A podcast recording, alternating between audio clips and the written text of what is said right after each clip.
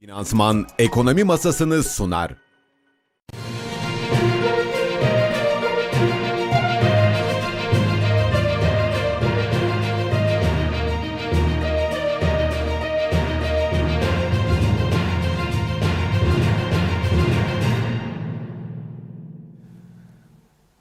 Nasıl bir ekonomi YouTube izleyicileri günaydın. Tarihimiz 26 Temmuz Çarşamba saatler 7.30'u gösteriyor ama siz hangi gün hangi saatte yayınımızı açtıysanız hoş geldiniz. Ben Berfin Çıpa. Ekonomi Masası'nın ilk yarım saatlik dilimiyle karşınızdayım.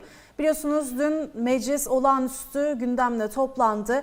Canan Sakarya'ya uzanacağız biz de oradaki notları dinlemek üzere. Ardından bugün gözümüz kulağımız FED'de olacak. Borsaya konuştuk, altını konuştuk. Bakalım kripto para piyasaları nasıl etkiliyor demek için de Helin Çelik'e bağlanacağız. Anketimizi aktarıyorum. FED bu akşam faizde ne karar verir diye sorduk.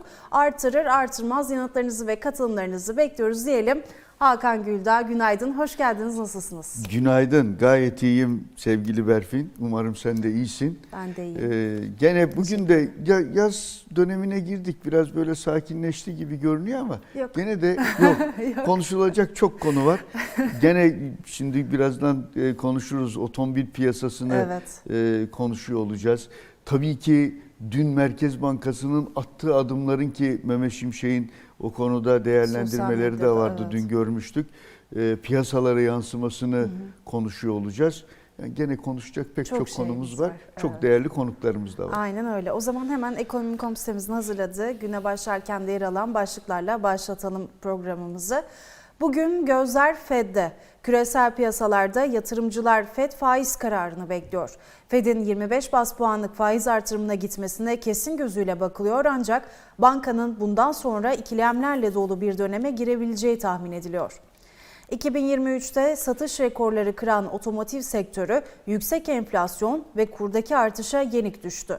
Talebin yavaşladığı piyasada hızla artan fiyatlar özellikle lüks segmentte tüketicileri siparişi iptal etmek telaşına düşürdü. Markalarsa tedarik ve üretim planlarını yeniden gözden geçiriyor.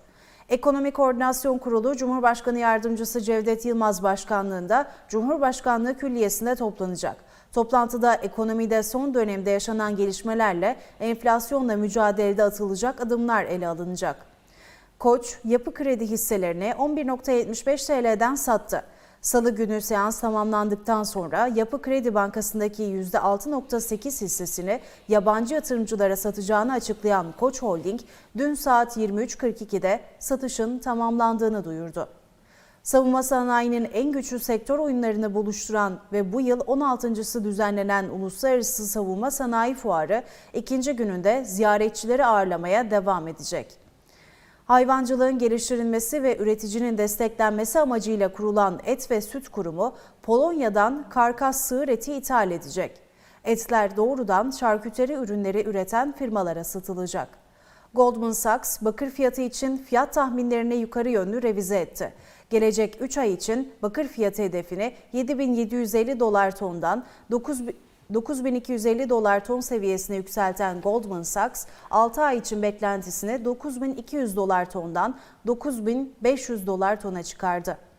Bugün veri açısından Türkiye gündemi sakin. TOFAŞ, TAV ve Otakar'ın 2023 yılı ikinci çeyrek dönemine ilişkin finansal sonuçları açıklanacak. Günün beklenen kararı ise ABD Merkez Bankası'ndan gelecek. Bir önceki toplantısında faiz artırım sürecine ara veren Fed'in yeni kararı yakından takip edilecek. Fed Başkanı Jerome Powell'ın karar sonrası yapacağı basın toplantısından çıkacak açıklamalar da piyasalar tarafından dikkatle izlenecek. Evet. Evet yurt dışında veri gündemi yoğun yani gözümüz kulağımız FED'de olacak. Çok bir aslında e, sürpriz beklentisi yok değil mi? Evet. 25 bas puanda herkes kesin Ee, gözüyle bakıyor. Kesin gözüyle bakıyor. Ben diyorum ki niye yapsın? Ya Yani şimdi e, enflasyon e, evet. ciddi şekilde düşmeye başladı. E, Yüzde üçe İstihdam indi. oranları da. E tam işte hani bu faiz artırımları bilmem nesinin bir sonucunu görmeye başladınız. E istihdamda da böyle çok olağanüstü bir şey de yok. Yani aman aman bir sağlamlık yok yani var bir şey ama hani öyle ma- maşallahı var her şeyde tıkırında denecek bir durum yok. Bir hafif durgunluk e, durumu da var mı? Piyasada var. Evet. eyvallah yani e, Amerika'da da oradaki dostlarla konuştuğumuzda da diyorlar ki hiç öyle açıklandı açıklanan rakamlara bakmayın. Burada enflasyon çok daha yukarıda. Öyle mi? Evet evet öyle diyorlar. Genel olarak da e, akıllarda yüzde yirmi civarında bir enflasyon olduğu yönünde. E, Örnekler de veriyorlar. Sütün fiyatı şuradaydı, buraya da geldi filan gibi örnekler de veriyorlar. Keza bu Avrupa'da da rastladığımız bir hikaye. Yani orada da gene Buradaki buradaki gibi tam e, rakamlara bambaşka. hissedilen başka. E, özellikle tabii gıda tarafında e, hani vatandaşın direkt olarak diyelim ki Amerikan vatandaşı da olsa Tabii. bize göre daha zengin de olsa onların e, bir takım sıkıntıları oluyor. Mesela geçen de şeyi gördüm belki e, turizmi konuşurken de ifade ederiz. Fehmi Köfteoğlu yazmıştı.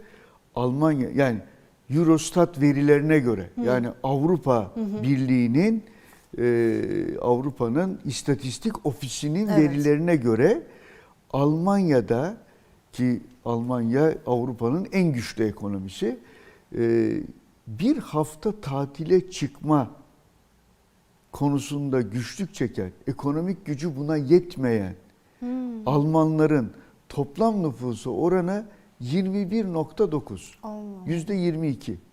Bir hafta tatile çıkma gücü yok diyor Eurostat'ın verisi. Yani bu her yerde e, bir şekilde hayatı etkiliyor. Onun için ben şimdi faiz arttırımını bir yandan da düşünüyorum. Belki bizim e, daha çok bizim cepheden bakarak da düşünüyorum. Yani biz bu kadar hiç arttırmadan neredeyse bu işleri bir şekilde kör topal da olsa götürüyorsak orası niye bu kadar da enflasyonu en azından kağıt üzerinde de olsa çekmişken arttırsın diye sormadan edemiyorum. Şimdi- Neyse lafı çok uzatmayayım.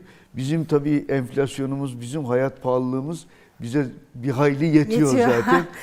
Fed'inkini de Fed düşünsün. Onlar düşünsün ama bakalım bize etkileri de nasıl olacak o da Tabii, belki tabii soru ki. işareti olarak.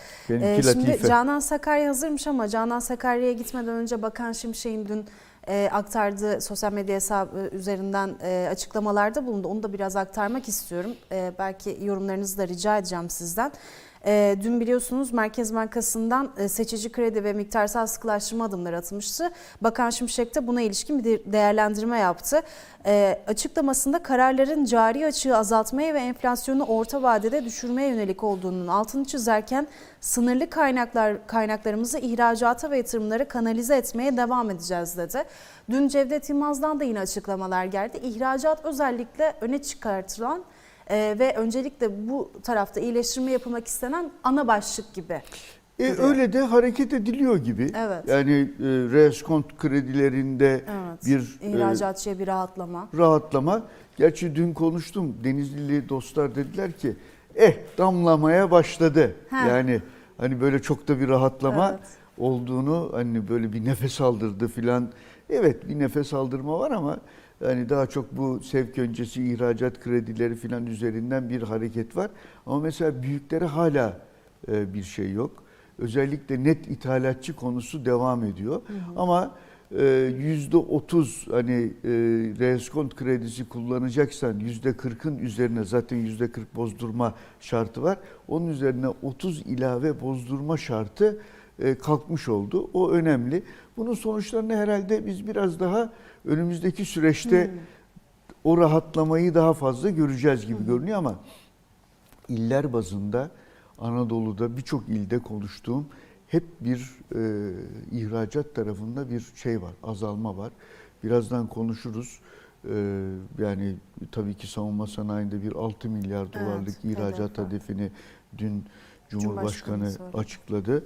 E, başka mesela bugün bizde var e, baktığım zaman e, o onu görüyorum ve benim de ilgimi de çekti. Çünkü mobilya, kağıt ve orman ürünleri sektöründe ihracat hedefi 10 milyar e, dolara gelmiş. Akdeniz Mobilya, Kağıt ve Orman Ürünleri İhracatçı Birliği'nin e, bizimle birlikte hazırladığı, Ekonomi Gazetesi'nde hazırladığı Akamib'in e, bu dosyada e, Sayın Onur Kılıçer de e, Ak- Akamip Başkanı da 10 milyar dolarlık ihracatta tamamlayacağız diyor 2023. Oraya Evet. doğru gidiyoruz diyor. Bunu ben bakıyorum e, yani bir bir iki sene öncesinde 5 milyar dolar büyük rakam olarak görülüyordu. Hani böyle güzel haberler de var. İhracatta e, iyi yani iyileşen alanlar da var. Ama e, il bazında ihracatları bu sene geçen seneye göre düşecek olan pek çok e, ili, kenti, kent ekonomisini de görüyorum. Belki onları da konuşuruz. Konuşuruz. O zaman önce bir Ankara'ya gidelim. Dün meclis ol- olağanüstü toplantı gerçekleştirdi ve konu ekonomiydi. Ver- Vergi artışları ve emekli zamları görüşüldü. Canan Sakarya'ya gidelim. Ekonomi Gazetesi yazarı Canan Sakarya bizlerle birlikte. Günaydın Canan Hanım. Sözü size bırakıyoruz. Ee, günaydın. Dün meclis e, olağanüstü toplanmıştı. 1 Ekim'e kadar tatildeydi ama muhalefetin çağrısıyla. E, dün ekonomi e, konuşuldu. Evet, e, ÖTV ve KDV artışları gündeme geldi. Vatandaşa getirdiği yük gündeme geldi. Muhalefet partisi sözcüleri tek tek kürsüye gelerek e, ekonomi yönetimine, uygulanan ekonomi politikasına dönük eleştirilerini dile getirdiler e, altı çizilen başlıklar enflasyonla mücadele konusunda kararlı bir politikanın uygulanmadığını e, dile getirdiler. Net bir şekilde kısa, orta, uzun vadede ne yapılacak bunu açıkça dile getirin dediler. E, onun dışında tasarruf noktasında vatandaşın dışında işte devlette de kamuda da tasarruf olması gerektiğini belirttiler. Emeklinin mağduriyeti Cumhurbaşkanlığı kabinesi sonrası işte emekliye yılbaşına yeni bir düzenleme yapılacağı şeklinde açıklamaları vardı zor durumda kaldığına ilişkin. Bu da meclis kürsüsüne muhalefet lider e, sözcüleri tarafından taşındı. Ee, samimiyseniz hemen bir yasa teklifi verelim, yılbaşını beklemeyelim. Ee, bu düzenlemeyi bir an önce yapalım dediler. Ee, meclis bu görüşmelerin ardından aslında e, ülkenin genel ekonomisinin değerlendirilmesi şeklinde yapılan tartışmalardı, görüşmelerde. E, muhalefet partileri özellikle CHP e, sözcüsü Özgür Özel e, genel kurulda işte meclis kapanmasın, meclis açık kalsın, bu tatil sürelerini artık kısaltalım şeklinde muhalefetten e, gelen açıklamalar vardı. AK Parti sözcüleri ise biz zaten tatil yapmıyoruz, sadece meclis değildir siyaset, biz alanda çalışmalarımıza devam ediyoruz e, şeklinde görüşlerini dile getirdiler. E, bütün bunlar konuşuldu. Bir neticesi yoktu tabii. Meclis çatısı altında ülkenin sorunları gündeme getirilmiş oldu. E, bir yere var, vardık mı varmadık. E, bu şekilde görüş daha sonra da bir oylama yapıldı. E, CHP'nin muhalefet partilerinin araştırma e, verdikleri e, genel görüşme önergesi reddedildi ve meclis tekrar 1 Ekim'e kadar tatile girmiş oldu. E, toplantı çıkışında kı- Devlet e, Bahçeli, MHP Genel Başkanı tek izleyen liderdi toplantıyı. Onun da CHP'ye ilişkin e, bir dokundurmalı bir açıklaması oldu çıkışta sorular üzerine. E, CHP Grup Başkanı Özgür Özel'in konuşmasını bir kongre konuşmasına benzetti. Eğer arkadaşım devam ederse dedi, arkadaşından da kastı Kemal Kılıçdaroğlu üniversitede arkadaşlar tercihim ondan yana olur. Devam etmezse de e, e, Ekrem'e karşı özgür şeklinde kendi kendine bir değerlendirme yaptığını dile getirdi. Manidar olmuş değerlendirme. İlginç ve manidar olmuş diyebiliriz. Evet, Ama- Bahçeli'nin bu tip değerlendirmeleri olur böyle esprili ve evet.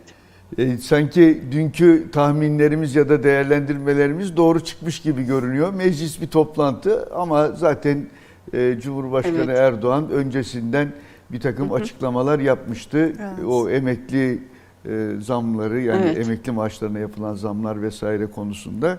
E bir toplanmış oldu. E, yani herkes Oldu. tatil yaparken diyelim Hasret giderilmiş arada meclisin toplanmasında fayda var. Evet. Peki. Çok Peki. teşekkür ederiz. Cevdet Yılmaz'ın. Ha, buyurun. açıklamaları vardı. Az Evet. Cevdet Lütfen. Yılmaz'ı siz de biraz bahsettiniz. Bu Evet. Körfez ziyaretinin izleri sürülmeye devam ediyor. Körfez'deki diğer ülkelere de ziyaretler olacağını söyledi. Kabine toplantısı sonrası gazetecilere değerlendirmelerde bulunmuştu.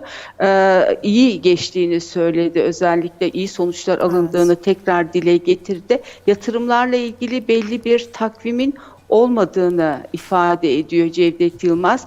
Ee, bazı konuların zaman alacağını, e, doğrudan yatırımlar olacağını, bunun da özellikle yenilenebilir enerji kaynakları noktasında odaklandığını ve bakanların karşılıklı olarak çalışacaklarını e, belirtti. Özellikle Körfez'den gelen kaynağın ihracatçıyı rahatlatacağını e, belirtirken yine e, özellikle bu bazı işlerin çabucak olabileceğini, bazılarının da zamana, takvime yayılarak gerçekleşeceğini dile getirdi. Mesela diyor ihracatın finansmanı çok kolay veya deprem tahvili hemen olabilecek şeyler. E, bir de e, proje bazı e, bazı projeler var, altyapısı hazırlandı. Onlar da çabuk olabilecek işler ama bazıları da zamana yayılarak gerçekleştirilecek işler şeklinde bir değerlendirmesi var. Benim de dikkatimi çekti bu yenilenebilir enerji tarafı e, çok konuşulmamıştı. Evet. Çünkü hani sağlık, savunma sanayi hep konuşuldu. Enerji diye bir başlık gitti ama yani bu yenilenebilir enerji meselesi çünkü Türkiye biliyorum hani Bergama'sından başka e, yani Bergama'yı özellikle söylüyorum Anadolu'ya da yayılmış bir şekilde bu yenilenebilir enerjide hem rüzgarda hem e, güneşte ciddi yatırımlar yapmaya başladı. Hani onun da bir Evet. e, alışverişi olabilir gibi veyahut da birlikte yatırımlar yapılabilir gibi anlıyorum. Bence e, gerçekten üzerine gidilebilecek bir alan gibi göründü bana Hatta da. geçen sene aslında baktığımızda birçok halka arzda yenilebilir enerji tarafından da geldi yurt içine baktığımız zaman. Aynen öyle. O da dikkat çekici. Bir de trafo sorununu çözsek. yani onları yapıyoruz onları ama bir de bağlayacak trafoları da Evet. şöyle güçlendirsek. E, arada sırada da e, sıcaktan da onlar şey diyor. Bir gördünüz herhalde değil mi? Datça'da Evet, filan evet. böyle pervanelerle soğutmaya çalışılıyordu. Evet gördüm. e, Sosyal medyada santralle. çok konuşuldu. Evet. Peki Canan Sakarya çok teşekkür ediyoruz. Ankara gündemini Canan Sakarya'dan dinle- dinledik. Size de iyi çalışmalar diliyoruz. Şimdi günaydın mesajları da gelmeye başladı. İlhan Bektaşoğlu bir izleyicimiz güne sizlerle başlamak harika yazmış. Ee, bizleri de yalnız bırakmadığınız için teşekkür ederiz. Sizlerle de başlamak bizim için çok kıymetli. Teşekkür ediyoruz tekrar. Şimdi isterseniz IMF tarafıyla devam edelim. 2023'te Türkiye büyüme tahminini IMF yükseltti. Dünya Ekonomik Görünüm raporunda Türkiye'nin 2023 büyüme tahminini yükseltirken 2024 tahminini düşürdü. Kurum 2023 yılı için küresel büyüme tahmininde azalan riskler nedeniyle yükseltti. Bir de IMF'den tahıl anlaşmasıyla alakalı bir e, nokta da vardı. Onu da aktarmak istiyorum. E, Rusya'nın Ukrayna'nın tahıllarını Karadeniz'deki limanlarda limanlardan taşımasına izin veren anlaşmadan çekilmesinin ardından küresel tahıl fiyatlarının %15'e kadar yükselebileceğini söyledi. Zaten dün de emtia tarafında, e, tarımsal emtia tarafında ciddi yükselmeler vardı.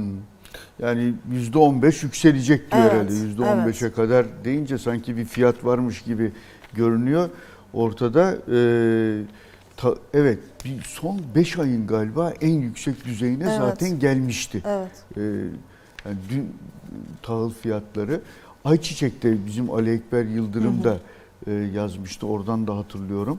Ee, Buğday bugün de fiyatları da bugün 5 de ayın zirvesini gördü. tahıl koridorunun piyasalara etkisi diye çok güzel bir e, yazı e, kaleme almış. Onu da ekonomim.com'dan da Evet. e, okuyabilir e, izleyenlerimiz. E, şimdi IMF'nin büyüme tahmininde ben sadece şunu söyleyeyim.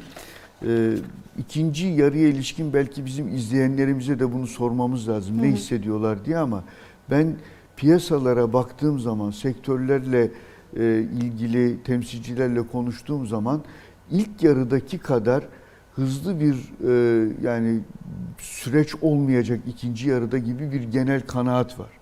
Zaten dün e, Mehmet Şimşek'in yaptığı açıklama da işte cari açığa da etki etsin, Evet. enflasyonu da düşürsün ama bu biraz e, ekonominin hafifçe hani soğutulması demeyeyim ama yani e, ısınmasına da müsaade etmeyen bir kontrollü bir gidişatı da işaret ediyor. Bu krediler, seçici krediler meselesi, kredilerin çok fazla hani orada gaza basılmayacağının sinyalinin verilmesi, bankalardan, kredi kartlarından ve e, yani kredili mevduat hesaplarından kullanılabilecek nakit avansları konusunda 2.89'a faizin yükseltilmesi frene basılma adımlarıdır bunlar. Yani belli bir soğutma adımları da diyebiliriz buna rahatlıkla. Onun için iki IMF'nin büyüme tahminini yükseltmesi belki ilk çeyreği orada da çünkü mekanizma arkadan geliyor. Şimdi ilk çeyrekte bizde yüzde dört zaten büyüdü. E, ikinci çeyrekte hemen hemen oralarda bir yerde olabilir ama belki biraz daha altında olabilir. Fakat ikinci yarıya ilişkin yani üçüncü ve dördüncü çeyreklere ilişkin e, sektörlerin beklentileri o kadar da canlanma yönünde değil. Mesela konut orada çok önemli. Gayrimenkul tarafı. Hala ya bir şey satılmıyor, bir şey alınmıyor. Böyle bir süreçte orası. Evet. Yani mutlaka birkaç işlem oluyordur ama genel itibariyle e, orada ciddi bir durgunluk var ve maliyetlerin de yükseldiği için yeni projeleri de başlanmakta zorlanılıyor. Boşuna o bo, boş konuta vergi, Vergi meseleleri filan gündeme gelmiyor. Orası pek e, iyi gitmiyor. Onun da gördüğüm kadarıyla gayrimenkul temsilcileri çok da iyi sonuçlar vermeyebileceğini, zaten bizdeki emlak vergisinin e, düşük Evet. e, hesap edildiği, düşük e, bir şekilde ödendiği için oradan da çok da fazla bir şey çıkmayacağı, daha çok boş konutlar bu kadar da boş kalmasın, bir kiraya verilsin çünkü proje yok ve olmayan malın fiyatları yükseliyor. Bulamayınca insanlar daha fazla kira, ne yapayım başımı bir yere sokmak Evet. durumundayım. Bir yere gideceğim. O zaman biraz daha yüksek kiraya ister istemez e, razı olacağım. Bunu biraz engellemek için yapılan bir konu ama piyasalarda bir şey var, durgunlaşma var. Belki şimdi konuşuruz, belki e, ikinci bölümde Barış Esen'le konuşuruz. Otomobil piyasası da ilk defa bir Evet. sinyal vermiş oldu bu konuda. Evet. Şimdi o zaman çarşamba bugün. Bugünün en önemli gündemi de FED. Biz şimdi pazartesi, salı altını konuştuk, borsayı konuştuk, Evet. kriptoyu da konuşalım. Konuşalım. Ee, kripto yatırımcısı izleyicilerimiz arasında da vardır muhakkak. Onlar da merak ediyordur. Kripto masasının cumartesi günü hep kapısını çaldığım, beni de hiç kırmayan e, Woftex Araştırma Direktörü Helin Çelik bizlerle birlikte. Helin günaydın, hoş geldin yayınımıza. Günaydın Berfin, günaydın Hakan Bey, günaydın. Günaydınlar. Evet, e, bu saatte beni tekrar kırmadığın için teşekkür ediyorum. E, yalnız bırakmadan demek? şimdi kripto para piyasası için kış bitti mi diye konuştuk seninle geçen hafta. Sen dedin ki hayır dur daha FED var. FED e, faiz artırımlarını bitirmeden, bırakmadan e, mega rally beklenemez dedin. Şimdi o malum günde geldi. Beklentin nedir e, FED'e dair? Yani 25 bas puan artık kesin gözüyle bakılıyor ama sanıyorum Eylül ayının sinyalleri de burada önemli olacak. Bir sonraki toplantının sinyalleri de önemli olacak. Sen nasıl bir beklenti içindesin? Kripto para piyasalarına etkisi nasıl olacak sence? Evet seninle zaman zaman konuştuğumuz gibi e, kış bitti mi ha bitti ha bitiyor derken FED bizim için çok önemli yaklaşık iki yıldır zaten e, yüksek faiz artırımlarına maruz kalan ve risk iştahı kaçan bir piyasa var. E, dolayısıyla burada sene başından beri trend yukarı ancak bir mega rally işte konuşulan 100 bin dolar, 100, bi- 120 bin dolar seviyeleri ve üzeri gibi e, bir fiyatlamadan bahsetmemizin şu an için mümkün olmadığını dile getirmeye çalışmıştım. E, nitekim biz e, hafta başından bu yana bir gerileme olduğunu gözlemliyoruz. Hem hacim zayıflamış durumda hem de balina çıkışları dikkat çekici boyuta ulaştı. E, fiyatlama da bunu ayak uyduruyor tabii ki. E, Bitcoin 29 bin seviyesinin altına çekilirken Ethereum yine e, 1825-1830 bandını test ederek bir miktar toparladı. Halihazırda 1850 seviyelerinden fiyatlanıyor. FED'e dair beklentim bugün 25 bas puanlık faiz artırımı ki genel kanı da bu yönde açıkçası. Ama basın e, toplantısı olacak saat 21.30'da. Bu bizim için çok önemli çünkü satır aralarında bir sonraki projeksiyon hakkında e, fikir edinmeye çalışacağız ve e, veri akışına bağlı olarak aslında burada karar mekanizmasının işleyeceğini söylememiz mümkün.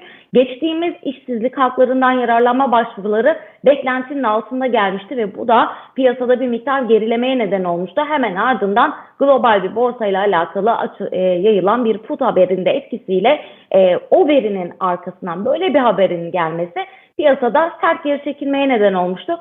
E, bu bütün bunlara baktığımız zaman hala kırılgan yapının devam ettiğini söylememiz mümkün. Evet toparlanmalar yüzdesel anlamda güzel bir pay bıraktı yatırımcıya ancak yeni girmek e, isteyen e, yatırımcının da olduğunu söylememiz mümkün. Yani e, burada tabii tartışırken e, piyasada yeni oyuncuları da göz önünde bulundurmak gerekirse bugünü bir atlatmakta fayda görüyorum ben. E, buradaki gerileme devam ederse Ethereum'da trend desteği yani 1780 e, seviyelerine kadar bir geri çekilme yaşanabilir. E, diğer taraftan Bitcoin dolar 28 binlerin altına yeniden sarkabilir ama basın açıklamasında e, önümüzdeki faiz artırımlarına ilişkin bir daha e, yapılacak mı yapılmayacak mı? Çünkü bu da bir tartışma konusu haline geldi. E, belki bu son faiz artırımıdır diye piyasa e, oyuncuları, piyasa aktörleri dikkat kesilmiş durumda. Bir tane daha yapılabilir. E, bu da genel e, e, görüşlerim arasında. Çünkü e, enflasyon yapışkan bir halde bu hep konuştuğumuz bir şey ve hedef baki diğer taraftan e, FED üyeleri bu konuyla alakalı oldukça şahin. E, dolayısıyla veriye bağlı olarak hem tarım dışı istihdam hem e, çekirdek, çekirdek enflasyona bakacağız. İşsizlik haklarından yararlanma başvuruları Amerika yeteri kadar işsiz yaratabildi mi, yaratamadı mı? Fed'in eli ne kadar güçlü? Bütün bunlar bizim yol haritamızı e, besleyecek. Nasıl bir sonuç çıkarmamız lazım? Eğer e, beklendiği kadar işsiz yaratılabilirse, enflasyondaki gerileme eğilimi devam ederse o zaman e, e, belki de faiz artırımlarına ara verecek FED. Ama enflasyondaki gerileme eğer e, anlıksa yani e, sadece belli bir periyot içerisinde e, yaşanıyorsa ve tekrar yükselme ihtimali bulunuyorsa diğer taraftan e, harcama eğilimi devam ediyorsa ki bu da enflasyonu tetikleyen bir diğer olgu biz bunu da işsiz sayısından e, takip etmiş olacağız. O zaman tam tersi bir tane daha yapabilir ama 2024'te biraz daha rahatlamış bir piyasa e, görebiliriz. Şu an itibariyle piyasaya yön verenler arasında balinalar bulunuyor. Anlık işlem yapan balinalar sayılarında Mayıs'tan bu yana azalma olsa dahi piyasa yerinden oynatabilecek güce sahip. Dolayısıyla hem madencilere hem de balina hareketlerine dikkat etmemiz lazım bu evrede. E, zaman zaman bazı farklı kripto para birimlerindeki eğilim artabilir. Mesela Shiba'da yeni kullanıcı sayısının günden güne arttığını biz gözlemliyoruz. Hatta e, burada %30'dan %60'ın üzerine çıktığını ben gözlemliyorum canlı olarak kontrol ettiğim zaman. E, ama bu e, meme token, meme coin dediğimiz e, yapılar buradaki oynaklık yüksek olacağından dolayı ve 2024'te de kripto para piyasası e, beklendiğinden belki daha iyi bir performans sergileyeceğinden dolayı sepette her zaman majörlere dikkat etmekte ve bulundurmakta fayda var. E, böyle bir genel toparlama yapmış olayım ama tabii ki de 2024'te yükselişe geçmesi beklenen farklı altcoin'ler de bulunuyor diyeyim. E, Fed'in, e, Jerome Powell'ın aslında konuşmaları kripto para piyasası içinde yol haritasını belli edecek dedin ama e, çok fazla vaktim kalmadı. Bir sorum daha olacak sana. İki hafta önce çünkü Ripple'daki, Ripple'ın SEC karşısındaki zaferi piyasada doping etkisi yaratmıştı. Ripple'da önemli bir başlık olduğu için onu da sana sormak istiyorum. Dünkü son haber akışlarından biri de 36 milyar dolara piyasa değerinin çıkması oldu. Bunun bir etkisi olacak mıdır piyasaya? Genelde böyle e, sıkışkan bir e, durumdayken pek bir etkisi olmaz. Bu piyasa kendi seyrinde rolantide giderken bir haber akışının etkisiyle e, doping yaratabilir. E, piyasa hacminin büyüyor olması aksine e, Ripple yatırımcılarını belki kendi özelinde rahatlatabilir. Çünkü ne kadar hacim büyürse e, oynaklığın e, biraz daha azalması beklenebilir ya da e, fiyat hareketinin daha sağlıklı olmasını besleyebilir. Burada şöyle bir durum var. Evet XRP'nin e, borsalara yapılan arzı ya da bo, e, düzelteyim borsalarda yapılan satışı bir menkul kıymet olmayabilir düşüncesi var. Bu bir zaferdi ama bir uzlaşma mı gelecek e, ki uzlaşma için tarih belirlemeleri gerekiyor.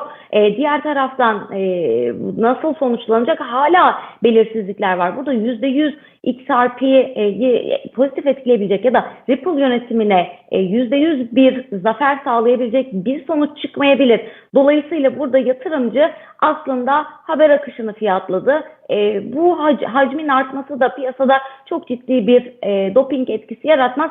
Sadece akışlara bağlı olarak e, biz bunu takip etmeliyiz ve dikkatle incelemeliyiz. Diğer taraftan e, tabii e, Ethereum yatırımcılarına da şöyle ufak bir değinmek gerekirse buradaki hacim düştü. E, XRP'deki hacim arttı ama Ethereum'daki hacim düştü ve balina sayısı burada da azaldı. 10 bin ve daha fazla Ethereum bulunduran cüzdan sayısı 2 yılın en düşük seviyesinde. E, dolayısıyla biz bunu aslında nasıl okumamız gerekiyor? E, balina sayısının azalması buradaki balina eğilimlerinin farklı yönlere kaymasını e, dan dolayı yaşanıyor.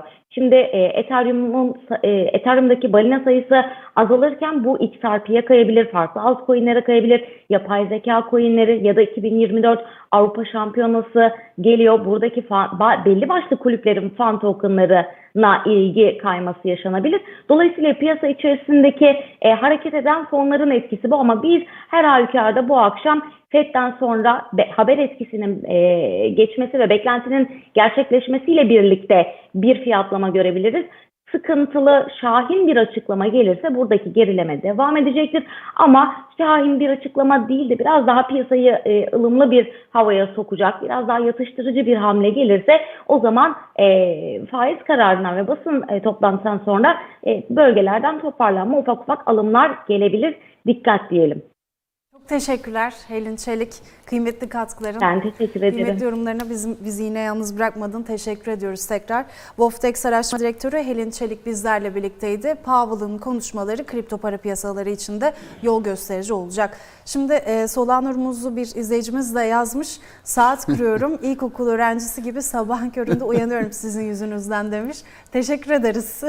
Derin bizleri yalnız bırakmadıkları için. Hakan Güldağ çok teşekkürler. Ben de Kıymetli teşekkür ediyorum. Ağzına sağlık. için. Şimdi haberimize gidiyoruz. Cumhurbaşkanı Erdoğan 16. Uluslararası Savunma Sanayi Fuarı'nın açılışında katılımcılara video mesajla hitap etti. Erdoğan Türkiye'nin bu yıl 6 milyar dolar seviyesine savunma sanayi ihracatı hedeflediğini belirtti. Haberi izliyoruz. Haberin ardından Barış Esen ve Hakan Güldağ ekonomi masasında karşınızda olmaya devam edecek. Akıncı ile başladığımız TİHA hamlemizi insansız savaş uçağımız Kızıl Elma ile şimdi çok farklı bir boyuta taşıyoruz. Kaan ismini verdiğimiz 5. nesil milli muharip uçağımızın tanıtımını yaptık. Üretim süreçlerini adım adım gerçekleştiriyoruz. Bunun dışında savunma sanayinde mührünü vuracak 850 farklı projeyi titizlikle hayata geçiriyoruz. Geçen yıl 4 milyar 400 milyon dolar ihracat rakamına ulaştık. Bu yılın ilk 6 ayında 2 milyar 378 milyon dolarlık rekor ihracat seviyesini yakaladık. 2023 yılında hedefimiz 6 milyar dolardır. İnşallah yıl sonu ihracat hedefimizi tutturacağımıza, hatta bu rakamın da üstüne çıkacağımıza inanıyorum. Geçen hafta yaptığımız Körfez ülkeleri ziyaretimizde savunma sanayi ürünlerinde tarihimizin en yüksek tutarlı ihracat sözleşmelerine imza attık. İDEF 2023'te bu anlaşmalara yenilerinin ekleneceği kanaatindeyiz. Hep söylediğimiz gibi biz sadece ürün satmanın peşinde değiliz.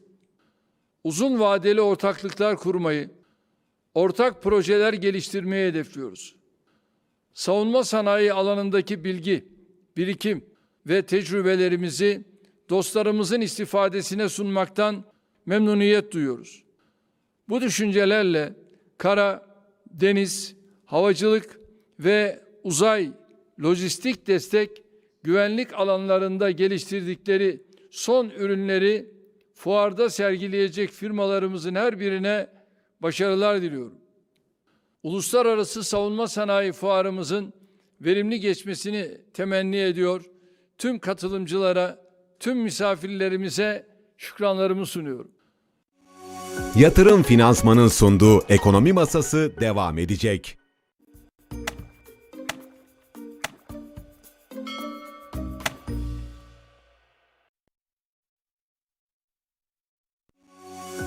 Yatırım Finansman'ın sunduğu Ekonomi Masası devam ediyor. Efendim herkese günaydın. Ekonomi masasında günlerden çarşamba ve karşımda Hakan Güldağ. Hoş geldin. Günlerden çarşamba ka- karşımda Hakan Güldağ. Baya şairane bir giriş oldu. Tabii. İyiyim Barış'cığım. Çok şükür. Sen de iyisin. Ben iyi de görünüyorsun. iyiyim. Çok teşekkür ederim. Yüzün gülüyor. İyi bir Valla şey. seni görüyorum, gülüyorum. Arkadaşlarımızı görüyoruz sabah. E, gülüyoruz. Birbirimizle dayanışmaktan başka şansımız var mı zaten? Tabii tabii kesinlikle haklısın abi. Dayanışacağız ve mücadeleye devam. Ee, izleyicilerimizi de görünce mutlu oluyoruz. Onlara da selamlarımızı, sevgilerimizi iletiyoruz. Hoş geldiler, günaydın diyelim. Ee, yine güzel dolu dolu bir programla ekonomi masasında günün gündemini sizlere aktarmaya çalışacağız hep birlikte. Ee, şimdi bugün tabii bir taraftan akşam FED kararı var. Amerikan Merkez Bankası FED'in muhtemelen 25 bas puan daha faiz artışı bekleniyor. 5.25'ten 5.50'ye Evet. çıkaracak. Yarın Avrupa Merkez Bankası var. Ama yarın belki daha da önemli Türkiye Cumhuriyet Merkez Bankası Başkanı e, Sayın Gaye Erkan'ın bir şekilde basınla buluşması, enflasyon raporu. Bu hafta biraz merkez bankaları haftası gibi Hakan abi. Öyle görünüyor. Ee, yani Fed'in 25 bas puanında herkes uzlaştı gibi. Doğru. Ben kendi kendime soruyorum ama benim sormamın hiçbir şey yok. Ya niye yapsın? E, Adamın yaptığı, attığı adımlar, e, tedbirler sonuç verdi. Hani kağıt üzerinde Amerikalılar çok inanmasa da yıllık yüzde üçe indirdi. Evet. Değil mi enflasyonu? tabii. Yani Avrupa bir şeyde yalnız paritede filan bir hareket var. Hı hı. Onu da görüyorum. Dolar da e, bir şey Bir Yani- onlarda euro dolar. bir onlarda. Yani az değil aslında bakacak olursan. Yani e, ECB'den yani Avrupa Merkez Bankası'ndan da bir adım Bekleniyor. gelebilir, gelebilir. Yani doları düşük mü tutmak istiyor Amerika? E, ne yapmak istiyor? O, konuda da bence biraz orada da seçim var biliyorsun yani yakında orada da bir seçime doğru gidiliyor. Bakalım göreceğiz ama dediğin gibi bizi en çok ilgilendiren Merkez Bankası Başkanımızın da ilk kez diyelim uzun süreli bir şekilde kamuoyunun, gazetecilerin, ekonomistlerin karşısına çıkacağı ve bir iyi bir sohbet olacağını, aydınlatıcı bir sohbet olacağını ümit ettiğimiz bir toplantı olacak yarın. Valla ben Merkez Bankası, yani son kararı gördükten sonra diyeyim, ifademi düzelteyim. Merkez Bankası faiz toplantısından daha önemli gibi sanki yarınki basınla buluşması. Çünkü bir anlatıya ihtiyacımız var. Yani bir takım sesler duyuyoruz. Hı hı. Bir şeyler geliyor. Bazı adımlar da geliyor. Ama bunların birbiri arasındaki bağlantıyı ben genel kamuoyunun çok iyi kurabildiğini düşünmüyorum. Akaryakıta zam geliyor, emekliye e, düşük geliyor ama öbür tarafta başka memura yüksek geliyor filan böyle bir takım böyle bir olaylar silsilesi var karşımızda. E bir bakıyoruz e, 2.89'a çıkmış nakit kullanımı. Şimdi ne yapmaya çalışıyoruz? Yani bir Ticari kredilere bir bakıyorsun 9 puanlık faiz artışına gidebilecek adım atılıyor. adım atılıyor. Şimdi Bunu bir bir- soğutma çabası mı var? Bunu bir konuşalım. Bunu bir konuşalım. Bir soğutuyoruz, bir ısıtıyoruz. Bir Bir gaz bir soğuk, bir fren. sıcak, bir gaz, bir fren. Burada bizim yönümüz nedir? Bunun anlatılmasına büyük ihtiyaç var. Peki. Ankara'ya bir gidelim, Gidelim. istersen. Ee, Hakan abi, Maruf Buzcugil Ankara temsilcisi bizi bekliyor. Maruf günaydın, hoş geldin. Günaydın Barış Esen, Hakan Güldağ. Günaydın. Giderek bir aydınlanma içine geliyorsun. Işıklarla Evet, ilgili. gi- giderek teknolojik imkanlarımızı yayın için daha iyi hale getiriyoruz günden Ama güne. biraz sanki ışığı kısmakta fayda var gibi geliyor Öyle bana. mi? Senin zaten Vallahi kapattım. ekranları şey yapıyor böyle bir e, ışınlıyor diye. Işık da fazla olunca Ben dün de söyleyecektim Ee, çok- ama söylemeyeyim dedim. Maruf Çok ışık alan bir bürodayız. Biraz Güzel. konum değiştirmemiz gerekiyor. Böyle yüz- yüzüne nur yağıyor sabahları Maruf. Maşallah. Şimdi e, ya tabii bugün yine e, manşet yanı diye Hakan abi değil mi? Teknik tabirlere ben e, Evet. uzağım lütfen yardımcı ol. estağfurullah manşet. Maruf Buzcugil, Mehmet Kaya, İsrail Büyükelçisi ile Ankara Büyükelçisi ile bir röportaj var. Ee, yani İsrail ile işbirliğinin teknoloji anlamında, teknoloji tarafıyla daha da geliştirilmesi mesajını veriyor. Biz e, tabii Netanyahu'nun Türkiye ziyaretini bekliyorduk ama Adam bir anda hastalandı. Kalp pili falan takmışlar Hakan abi. Ya öyle. Türkiye'ye geliyordu. Evet. Ee, ve enerji tabii orada en çok Cumhurbaşkanı Erdoğan da gelmeden o mesajı vermişti. İsrail gazı en ekonomik Avrupa'ya Türkiye üzerinden gider demişti. Hem enerji hem teknoloji Maruf Uzcugil ne der? Evet, e, İsrail Büyükelçisi Lilyan bizim e, Ankara temsilciliğimiz, Ekonomi Gazetesi Ankara temsilciliğini e, ziyaret etmek istedi. Biz de onun e, gerçekleşme tarihini Netanyahu'nun Türkiye ziyaretine denk getirmeye çalıştık ama dediğiniz gibi bir rahatsızlık nedeniyle önümüzdeki günlere ertelendi. Ama Sayın Büyükelçi ile e, ekonomi ile ilgili, ağır, ekonomi ağırlıklı güzel bir sohbet yaptık. Özellikle e, Büyükelçi Lilya'nın altını çizdiği bir konu var. E, diyor ki artık diyor geçen yüzyıldan kalan eskimiş ilişki biçimlerini ekonomide bırakalım. Yeni neslin önünü açacak yeni e, ilişki biçimleri ge- geliştirelim diyor. Türkiye'de, İsrail'de e, teknoloji alanında çalışan çok sayıda startup var. Bunların önünü açalım diyor. Aslında ARGE ve teknoloji konusunda Türkiye ile İsrail arasında yapılmış e, anlaşmalar var geçmişte ama hiç yaşama geçirilmemiş. E, Sayın Lilyan e, önemli bir mesaj verdi ve dedi ki e, biz 2024'te hem İsrail'de hem Türkiye'de bir e, çağrıya çıkacağız. Teklif çağrısına çıkacağız ve bu alandaki işbirliğini hızlandırmak istiyoruz şeklinde. E, şöyle bir yaklaşımların olduğunu gördük. Yani İsrail'in e, Türkiye ile ilişki açısından Sayın Büyükelçi diyor ki Tür- İsrail diyor küçük bir ülke diyor. Türkiye'de beyaz eşya e, alanında e, üretim kapasitesi çok büyük. Bütün dünyaya ihracat yapan bir ülke. Ama diyor İsrail'e diyor ne kadar buzdolabı satabilirsiniz diyor. Kapasitemiz bu kadar diyor. Hani gelin biz e, teknoloji alanında belli somut projelerde, alanlarda e, işbirliği yapalım e, demeye getiriyor. E, aslında e, bu yıl e, İsrail'in kuruluşunun 75. E, yıl dönümü. Gelecek yılda Türkiye-İsrail diplomatik ilişkilerinin e, başlanmasının e, 75. yılı da olacak. E, dolayısıyla İsrail ile Türkiye arasında aslında ta ner- neredeyse kuruluşundan itibaren bir kişi, yani ilişkilerin çok sorunlu olduğu dönemlerde bile sürmüş ekonomik ilişkiler, e, e, başka ilişkiler var. E, Bu açıdan e, önemli. Siz enerji konusunun altını çizdiniz. Tabii bu enerji konusu mutlaka e, Netanyahu Türkiye'ye geldiğinde daha e, ciddi bir şekilde ele alınacak. Bunu e, Türkiye'de bu, bu konuya e, çok e, şey kal, kayıtsız kalmıyor. Bu konuda müzakereye açık. Ee, İsrail gazının Avrupa'ya ulaştırılması konusunda tabii e, en büyük imkanlar Türkiye'nin elinde. E, bu konu e, bir şekilde gündeme gelecek. İsrail'in başka projeleri de var enerjiyle ilgili. E, onların da e, Türkiye'de tartışılması, Türkiye'nin de çok büyük imkanları var.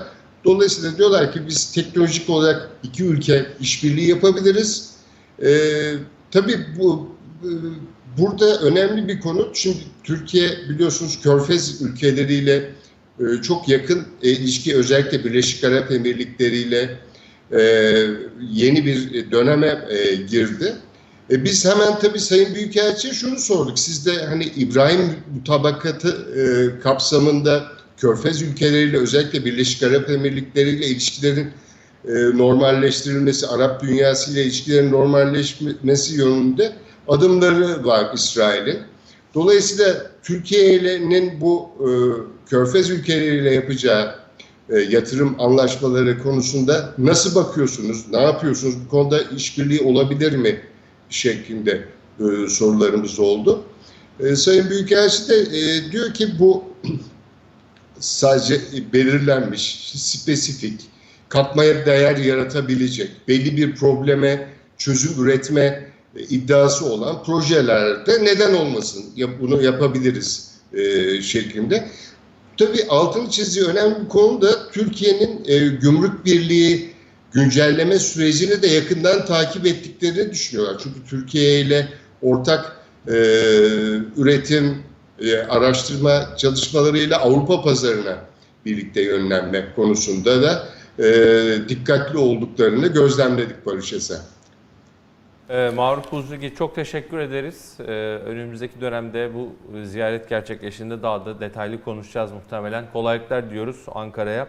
Şimdi e, ben yeniden Hakan Güldağ'a döneceğim. Hakan abi bugün aslında sıcak bir haber de var. Dün geceden itibaren yapılacağı duyurulan Evet. ve daha sonra da aslında gerçekleşen, gerçekleştiği de açıklandı. Hemen hızlıca e, ifade edelim ki izleyicilerimiz zaten haber haberi okumuşlardır ya da okumayanlar için de söyleyelim. Koç Holding portföyündeki 575 milyon adet Yapı Kredi Bankası hissesini hızlandırılmış talep toplama yöntemiyle sattı. Borsa dışında kurumsal yatırımcılara satış toplamda 6.76 milyar TL yani e, 6.8'e yakın e, milyar TL'lik 6 milyar 760 e, e, milyon TL diyelim karşında bir satış gerçekleşti. Koç'un bankadaki toplam payı bütün Koç başlığı altında söylüyorum %61.17'ye düşüyor. Halka açıklık oranı da %38.83 seviyesine yükseliyor. Bu satış hani tabii be- beklenmiyordu. E, Önceden hani e, değil mi? Bilgimiz yoktu. Bilgimiz yoktu. Büyük de bir satış. yani Önemli evet. de bir satış. Önemli bir satış 6.7 milyar TL. Ee, Yani bunu tabii şöyle baktığımızda olumlu olumsuz yönleri çok analistler dün geceden itibaren konuşuyorlar, değerlendiriyor ama hani bu para ne olacak? Bir yatırım mı olacak? Büyük bir yatırıma mı girişiliyor? Yeni bir iş mi oluyor? Onu belki biraz e, hani bilmek lazım, öğrenmek lazım bu Evet. tarafı ama ne dersin bilmiyorum. Yani e, ya benim de ilk aklıma gelen yani doğrusu şu anda bir şeyde sızmış ya da bu konuda bir, bir açıklama yapılmış da değil. Onun için sadece e, spekülatif olarak bunların üzerinde düşünce e, gezdirebiliyoruz diyeyim.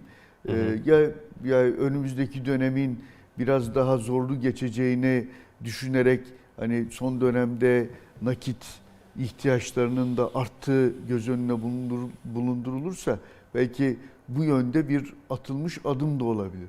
Bir yandan diyebiliriz ki ya Koç Holding böyle bir şeye ihtiyaç duyar mı? Her şirketin tedbirlerini almasında fayda olan bir dönemede girildiğini uzmanlar da söylüyor. Her gün burada da konuşuyoruz. Ee, Böyle bir şey olabilir. Başka bir e, yatırımla ilgili bir konu olabilir. Ya da belki stratejik olarak çünkü daha önce de yapı kredi biliyorsun e, yarı yarıya İtalyanlarla bir ortaklık şeklinde yürüyordu. Kurumsal yatırımcılara bu yönde bir satış yapılarak e, tahkim edilmek istenmiş olabilir. Ama dediğin gibi detayları öğreneceğiz fakat önemli bir haber. Ee, tabii ki Koç Holding'in de bunu çok hızlı bir şekilde e, yapmış olmasının mutlaka bir takım nedenleri vardır. Onlar yakında e, duyarız ya da biz buradan duyurmaya çalışırız. Peki e, izlemeye devam edeceğiz. Yeni bir açıklama geldiğinde de konuşuruz. E, şimdi Ömer Faruk Çolak'a döneceğim ben izninle. Ömer Faruk Bey günaydın, hoş geldiniz. Günaydın, iyi yayınlar. Çok teşekkür ederiz. Ee, biz tabii e, bir taraftan enflasyonu konuşuyoruz. Merkez Bankası e, yarın e, enflasyon raporu var. Orada acaba ne söyler diye e, tahmin etmeye çalışıyoruz. Sizin de bugünkü yazınızın başlığı enflasyon, ücret, kar sarmalı. E, neler söylemek istersiniz yazıda? Hangi ifadeler öne çıkar? Buyurun. Şimdi e, genel izleyici için konuşacağımız için fazla teoriye dalmadan konuşalım. Enflasyon arttığı zaman ücretler de artıyor. Ama ücretlerdeki artış enflasyondaki artışın gerisinden geliyor. Özellikle sendikaların güçlü olmadığı ülkelerde bu ücret artışları daha da düşük kalıyor. Şimdi tabii çalışanlar açısından baktığımızda bugünkü asgari ücretin bile düşük olduğunu söyleyebiliriz. Ama öbür tarafta da başka bir olgu var. Türkiye'deki e, istihdamın yaklaşık yüzde 35'i e, küçük işletmelerce. Bunu KOBİ'lere de kattığımızda daha da artıyor ve ücret artışları KOBİ'leri zorluyor çünkü KOBİ'lerin karlarıyla ilgili sorun var. Ama büyük işletmelerde karla ilgili sorun yok. Özellikle e, piyasada bir piyasa yapısında e, tekel ya da işte az sayıda firmanın olduğu sektörlerde kar onları çok yüksek. Yani o kadar yüksek ki e, şöyle söyleyeyim enflasyon döneminde e, onlar çok mutlular. Burada firma ismi vermeyelim ama İstanbul e, borsasında e, ki sadece firmaların karlılık oranlarına baktığımızda bazı sektörlerde gerçekten karlılık oranı yüksek.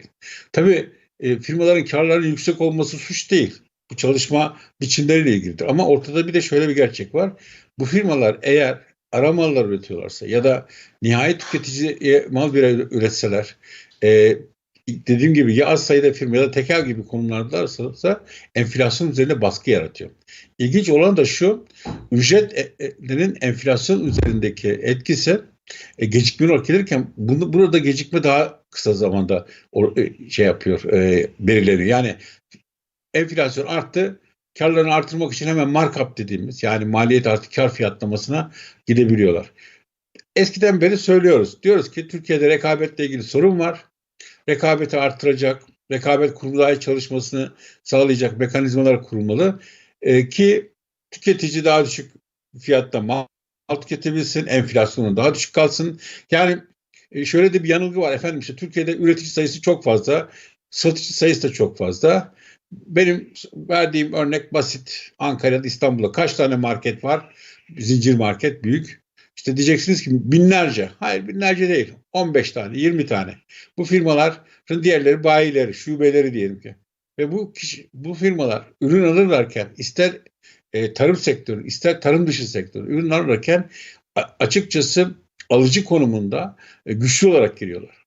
Alıcı konumu güçlü girip satıcı konumunda da güçlü oldukları için inanılmaz bir karlılık ortaya çıkabiliyor. E, somut bir örnek verelim. İşte geçenlerde galiba dünya e, bizim gazetede okudum ekonomi gazetesinde. Şeftalinin tarladaki fiyatı 5 lira, markette 55 lira.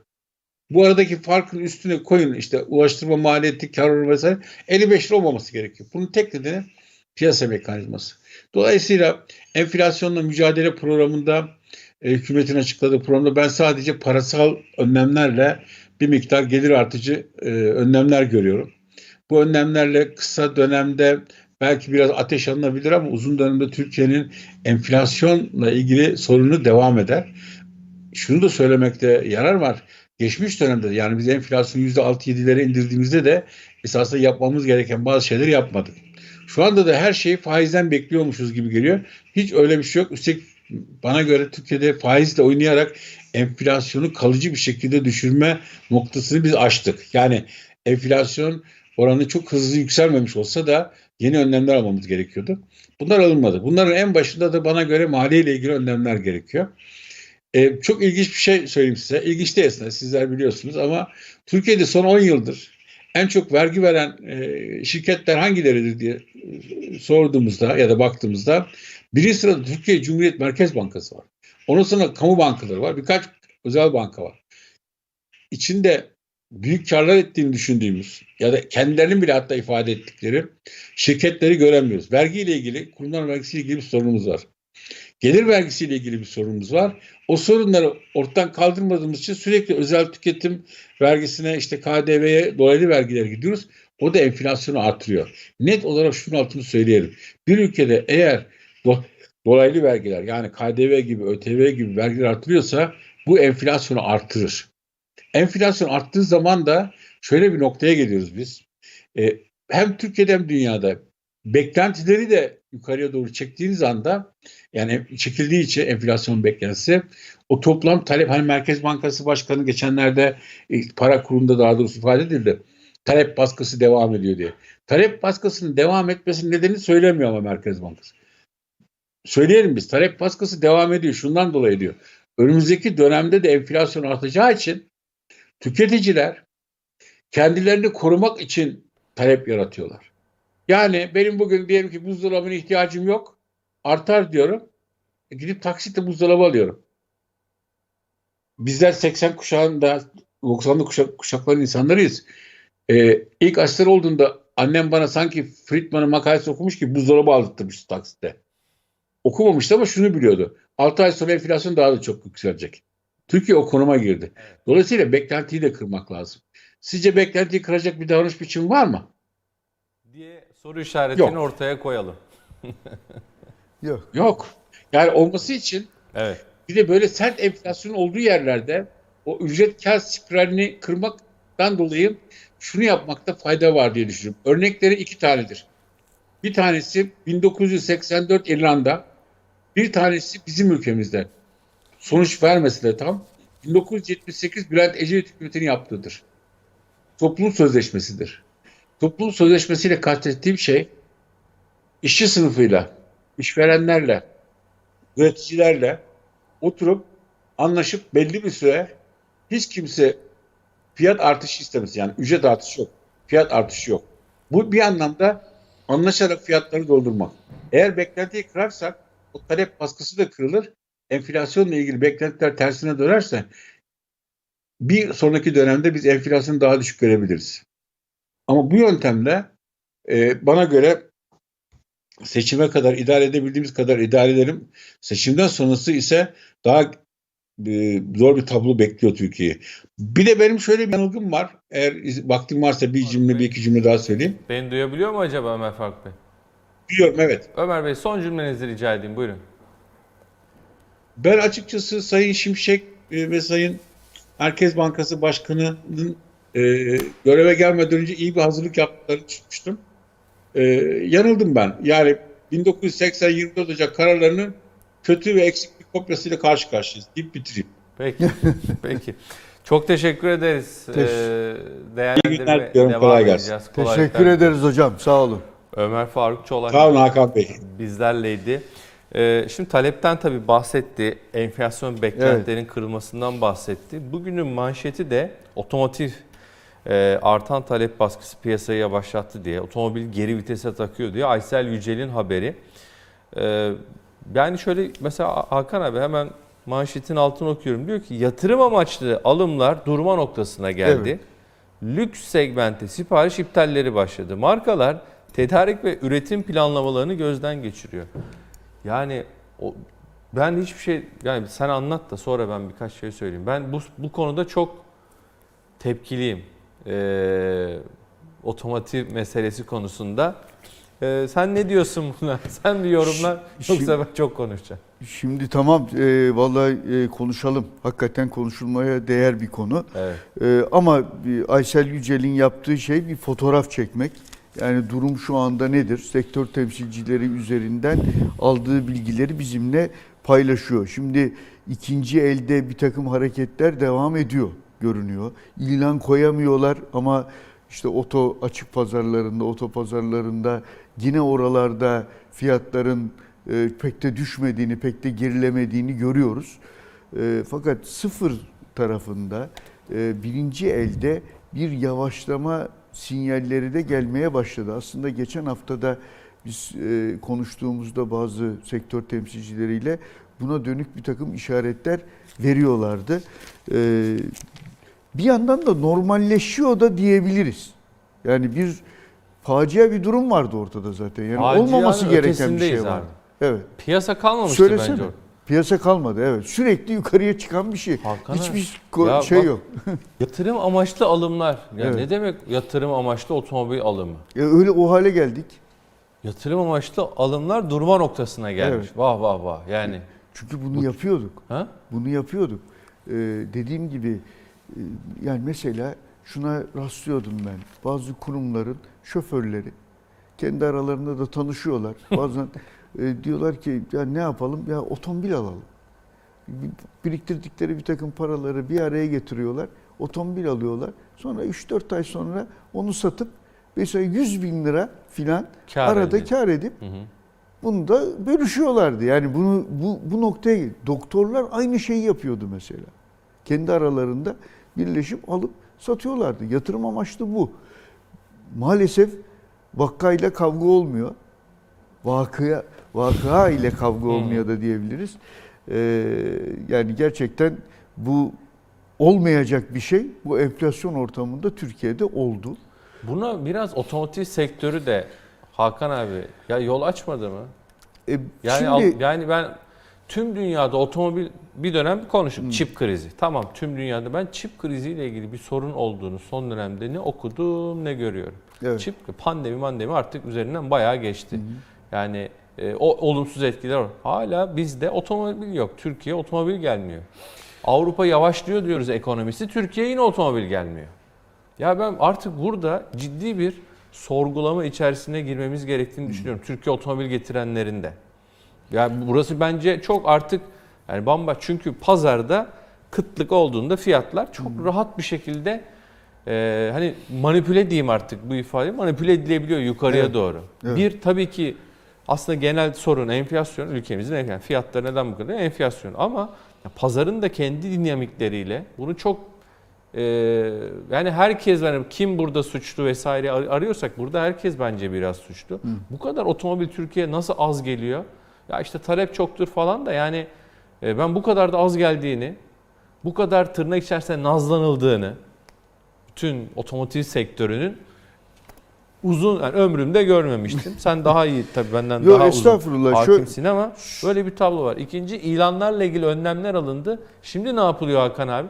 Daha önce biliyorsun bir sıfır atıp yazılıyordu. Evet. Yani ikinci el ilanı sıfır kilometre otomobil fiyatından yüksek olamazdı. Atıyorum bir buçuk milyon yerine 150 bin lira diye girmiş ilanı. Şimdi onların üzerine gitti bakanlık. Şimdi ne yapılıyor? İlan belki sıfır fiyatının altında gibi görünüyor. Ama altında ufak bir not ilanın. Üzerinde 200 bin liralık aksesuar vardır. Evet. Şimdi diyor ki yani ben burada Artı bir buçuk 200 bin. artı 200 diyor. Bunu diyor bil de gel bana diyor. Evet. Yani e, hakikaten bu işin içinden nasıl çıkarız? İhtiyacı olanların ulaşamadığı, ulaşılamaz bir hale gelen otomotiv piyasasıyla karşı karşıyayız. E, burada e, yani otomotiv sektöründen tedarik sağlayan mesela bu filo yöneticileri var. E, çok sevdiğim, şimdi adını burada anmayalım, yani reklama Evet. girmesin ama e, yani Türkiye'nin en bilinen filo şirketlerinden birinin yöneticisi aynı zamanda e, sahibi de diyelim ortaklarından biri diyor ki artık herkes aynı sevgili Ersan Öztürk selamlarımızı gönderelim. Artık herkes aynı şeyi yazmaya başlıyor. İşim gereği Türkiye otomobil fiyatlarının yakın ve uzak geleceğini tahmin etmek zorundayım diyor. Trendi bilseniz bile zamanlamasını bilemiyorsunuz ama diyor her zaman bir şapkadan tavşan çıkıyor. Ancak bu sefer kesin gibi. Araba fiyatları o kadar yüksek, alım gücü o kadar düştü ki artık sıfır araçların bollaşması kaçınılmaz.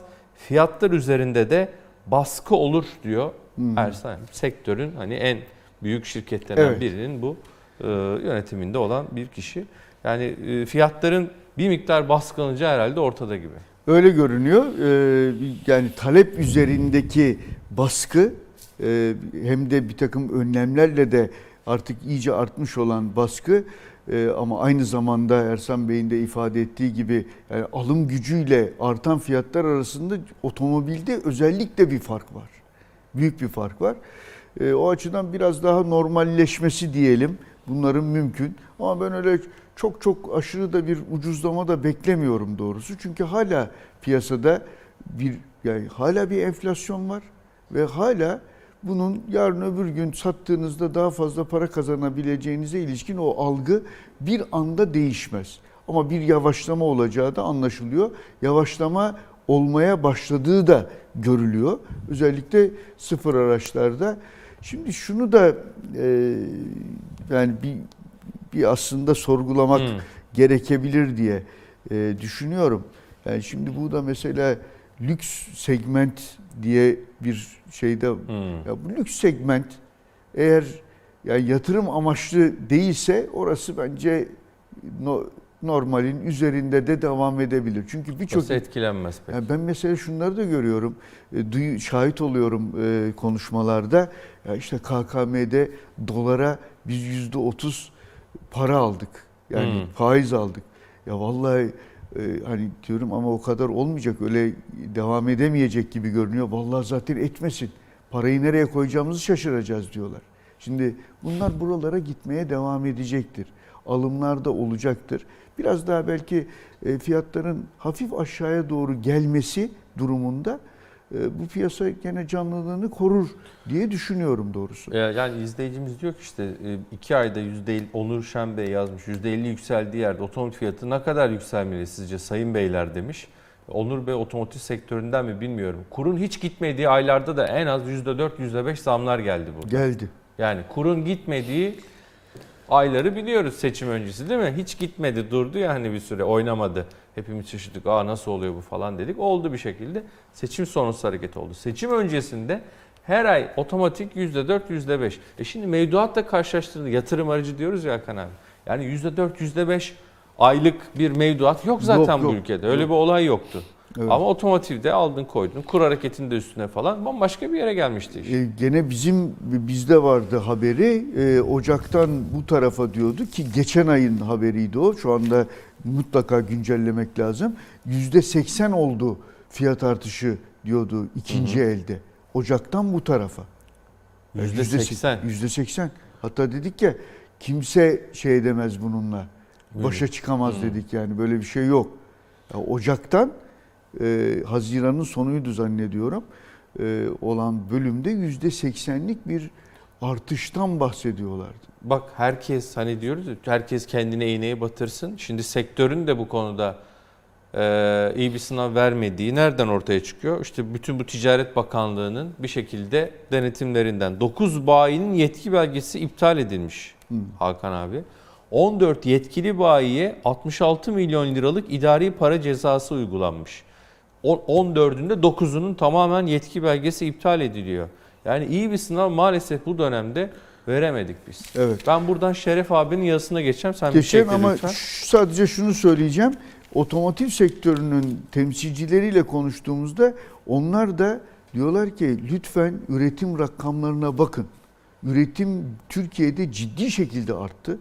Tamam. E, araba nerede? İşte Yani var, araba Arttı. nerede? Para nerede? Araba şöyle, nerede? abi? yani- Araba yok. biz üre, eğer satılıyorsa sonuçta içeriye doğru da gidiyordur onun bir kısmı. Ama bir kısım da ihracata da gidiyordur. Orada biliyorsun hep ortaklıklar söz konusu. Ama içeride de e, yerli araçların daha fazla satıldığı bir ortamı da yaşadık. Fakat demek ki o da bu enflasyonun körüklediği talebe yeterli gelmiyor. Vallahi. Üretimde de belli bir kapasite var. Hani e, bu- burada maalesef denge bir kere bozuldu mu ondan sonra işte hani bu yanlış ilikleme hikayesi denge bozuldu mu ondan sonra onu tekrar yerine getirmek zor. Ama bu haber bana aynı zamanda şunu gösteriyor. Yatırım amaçlı olarak artık bir cazibeyi yitirmeye başladıysa otomobil Hmm. bir zaman sonra burada da bir e, rahatlama Durulma biz olur göreceğiz. Bence birçok alanda da bunun işaretlerini görmeye devam edeceğiz. Ne diyor Mehmet Şimşek? Bu enflasyonla, cari açıkta filan da mücadelenin yöntemidir bu iş diyor. Enflasyonun orta vadede diyor ama. E, Orta vadede Hocam zaten. ona da dikkat çekelim. O bir anda olma ihtimali yok. Mümkün değil. Ee, bak izleyicimiz diyor ki ee, e, vergiye dikkat çekmiş Cafer Fındıkoğlu Bey. Otomobil fiyatları %70-80'i vergi. Bu vergilerde düşecek mi diyorum ya. Hepimize bir iğne ya da çuvaldız Tabii, batırmamız tabii, tabii. lazım. Öyle. Buna kamu da dahil. Yani bu vergi yükü otomobiller bir otomobil alıyorsun, bir otomobili devlete hediye ediyorsun. Kredi çekiyorsan bir otomobil bankaya hediye ediyorsun. Ne yaptın? Bir tane otomobil almaya çalıştın Türkiye'de. Vergi tarafı var, kamu tarafı var. Bence otomotiv sektörü var. Vatandaş var. İşte vatandaş da Şeref abi yazmış. Maalesef enflasyon bu tırnak içerisinde ahlakı da bozuyor. Yani bir ahlak endeksi yapılsa acaba diyor biz nerede oluruz? Herkes tabii e, yani enflasyon 5 artıyorsa 15 zam da yapabiliyor. Gel, enflasyon beklentileri kötü olduğu için de belki bu oluyor. Ömer Faruk Bey de söyledi. Ama bu enflasyonun genel olarak topl- toplum ahlakını bozduğu, kiracı, ev sahibi ilişkilerinde de yine bu- bunu gördük, yaşadık. Aslında tüm toplumda bunu hissediyoruz Hakan abi. Yüksek enflasyonun etkileri.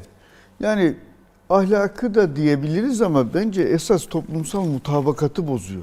Tamam. Yani bir e, birbirimize olan verdiğimiz sözleri filan ister istemez o geçim sıkıntısının yansımasıyla bozuyoruz. Aslında ahlakımızın çok bozuk olduğundan dolayı değil, ortamın bozulması ahlakımızı da zorluyor diyelim. Mutabakatı bozarak. Tabii ki yani ya Türk milleti hepimiz son derece şeyiz e, e, Muhteşemiz. muhteşemiz, sütten çıkma, ak kaşığız hepimiz filan. Bunu böyle bir şey yok. Hiçbir toplumda böyle bir şey yok. Ne Türkiye'de var ne başkalarında var. Ama ortamın da doğrusu insanımızı aşırı zorladığını, bu yönde hareket etmeye, sürekli çalı dolaşmaya ya da hani bu bizim hasletimiz böyle de onun için böyle yapıyor değiliz. Bu ortam ve sistemsizlik maalesef programsızlık, yön belirsizliği, e, kimsenin bir anlatı derken onu kastediyorum, bize bir yol haritası çizmemesi. İşte şimdi şöyle söylüyor Ömer Faruk Bey, E, diyor ki hocam e, vallahi diyor işçi sınıfıyla e, şeyde işveren de bir araya gelip bu enflasyonla Fiyatları dondursun. fiyatları yani bir takım öneriler gündeme getiriyor. Ama şimdi kimsenin e, uymadığı ya da uymaya niyetin olmadığı konularda bu mutabakatı kim sağlayacak? Hadi ben de biraz hem gerçek hem popülist söylem gibi anlaşılabilir ama asıl gerçek yani 7500 lira emekli aylığı alan bir emekli neyi donduracak Hakan Neyi abi? donduracak? Donduracak bir şey mi kaldı? Yani e, kendi donmuş durumda fiyat artışları karşısında Evet. gibi bir tablo var. Şimdi sektörlere baktığımızda da reel sektör güveninde bir geri çekilmeyi görüyoruz.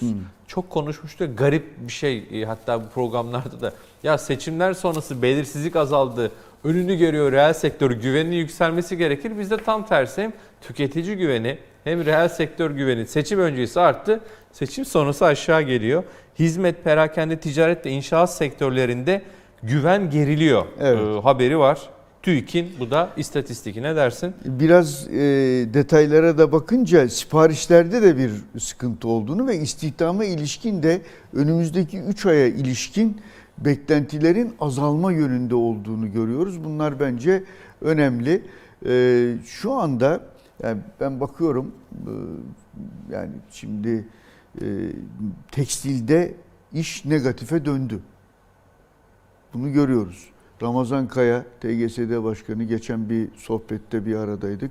150 bin civarında sektörden insanın ayrıldığını söyledi. Kimileri İstihdam EYT kaybı mı? İstihdam kaybı.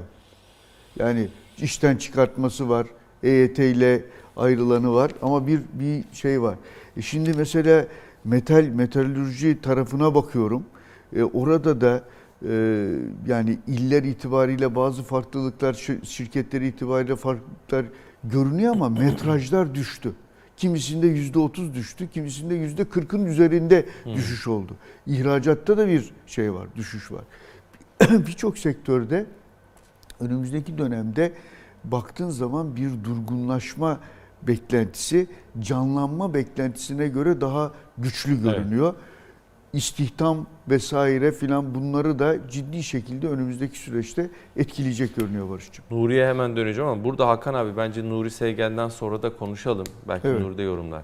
Burada durgunlaşma, geri vites, fren ne dersek ekonomide birçok sektörde bi- biz bunu görüyoruz. Belki alınan önlemlerin de maliye ve para politikası neticesinde. Ama soru işareti biz buna ne kadar sabredeceğiz? Önümüzdeki sene seçim varken merak ediyorum senden yorum alacağım. Doktor Nuri Sevgen günaydın hoş geldin. Günaydın Barış, hoş bulduk. Günaydın Hakan Bey. Günaydınlar. Hakan abi Nuri Sevgen bana hemen e, beni de bağla hemen dedi. Ben de şu otomotiv konusunda bir şeyler söylemek istiyorum. E, doğrudur. Erkenden aldık Nuri Sevgen'i. Ne dersin? E, hoş geldin dinleyelim seni. Hoş bulduk. Yani e, otomobilin yatırım aracı olduğu e, haberini ben de gördüm ve hakikaten böyle bir şey yani mümkün değil aslında. Yatırım aracı gibi oluyor. Nedeninde dediğin gibi e, fiyatlar yükseliyor. Şimdi iktisatta bir kural vardır. Arz talep dengesi deriz biz buna. Arzı kısarsanız talep de yüksekse fiyat yükselir ya da arzın talebin kesiştiği yerde fiyat oluşur deriz. Şimdi talep yüksekse fiyat yukarı gider arz onu karşılayamazsa. Eğer arzı kontrol ederseniz dünyayı kontrol edersiniz demiş. Kim demiş? Henry Kissinger demiş. Yani arzı kontrol edilen bir sistemde yatırım aracı olarak görülen bir enstrümandan bahsediyoruz. Bakın bu oyunu bozan birileri de var. Küçük bir not düşeyim. Tesla. Tesla Türkiye'de satış yapıyor. Nereden yapıyor? Galeriyle yapmıyor. Online yapıyor. Tesla fiyatları Türkiye'de satış yapmadan önce şu anki fiyatın %50 üzerindeydi neredeyse. Tesla satış yapmaya başladıktan sonra fiyatlar gerçekten Tesla fiyatı olmaya başladı. Durum bu kadar basit. Yani burada net bir şekilde söyleyeyim. Arz talep dengesinin kontrollü olarak bir şekilde yatırımcı e, yatırım için mantık oluşturulmaya çalışıyor. Demin sen de çok güzel söyledin.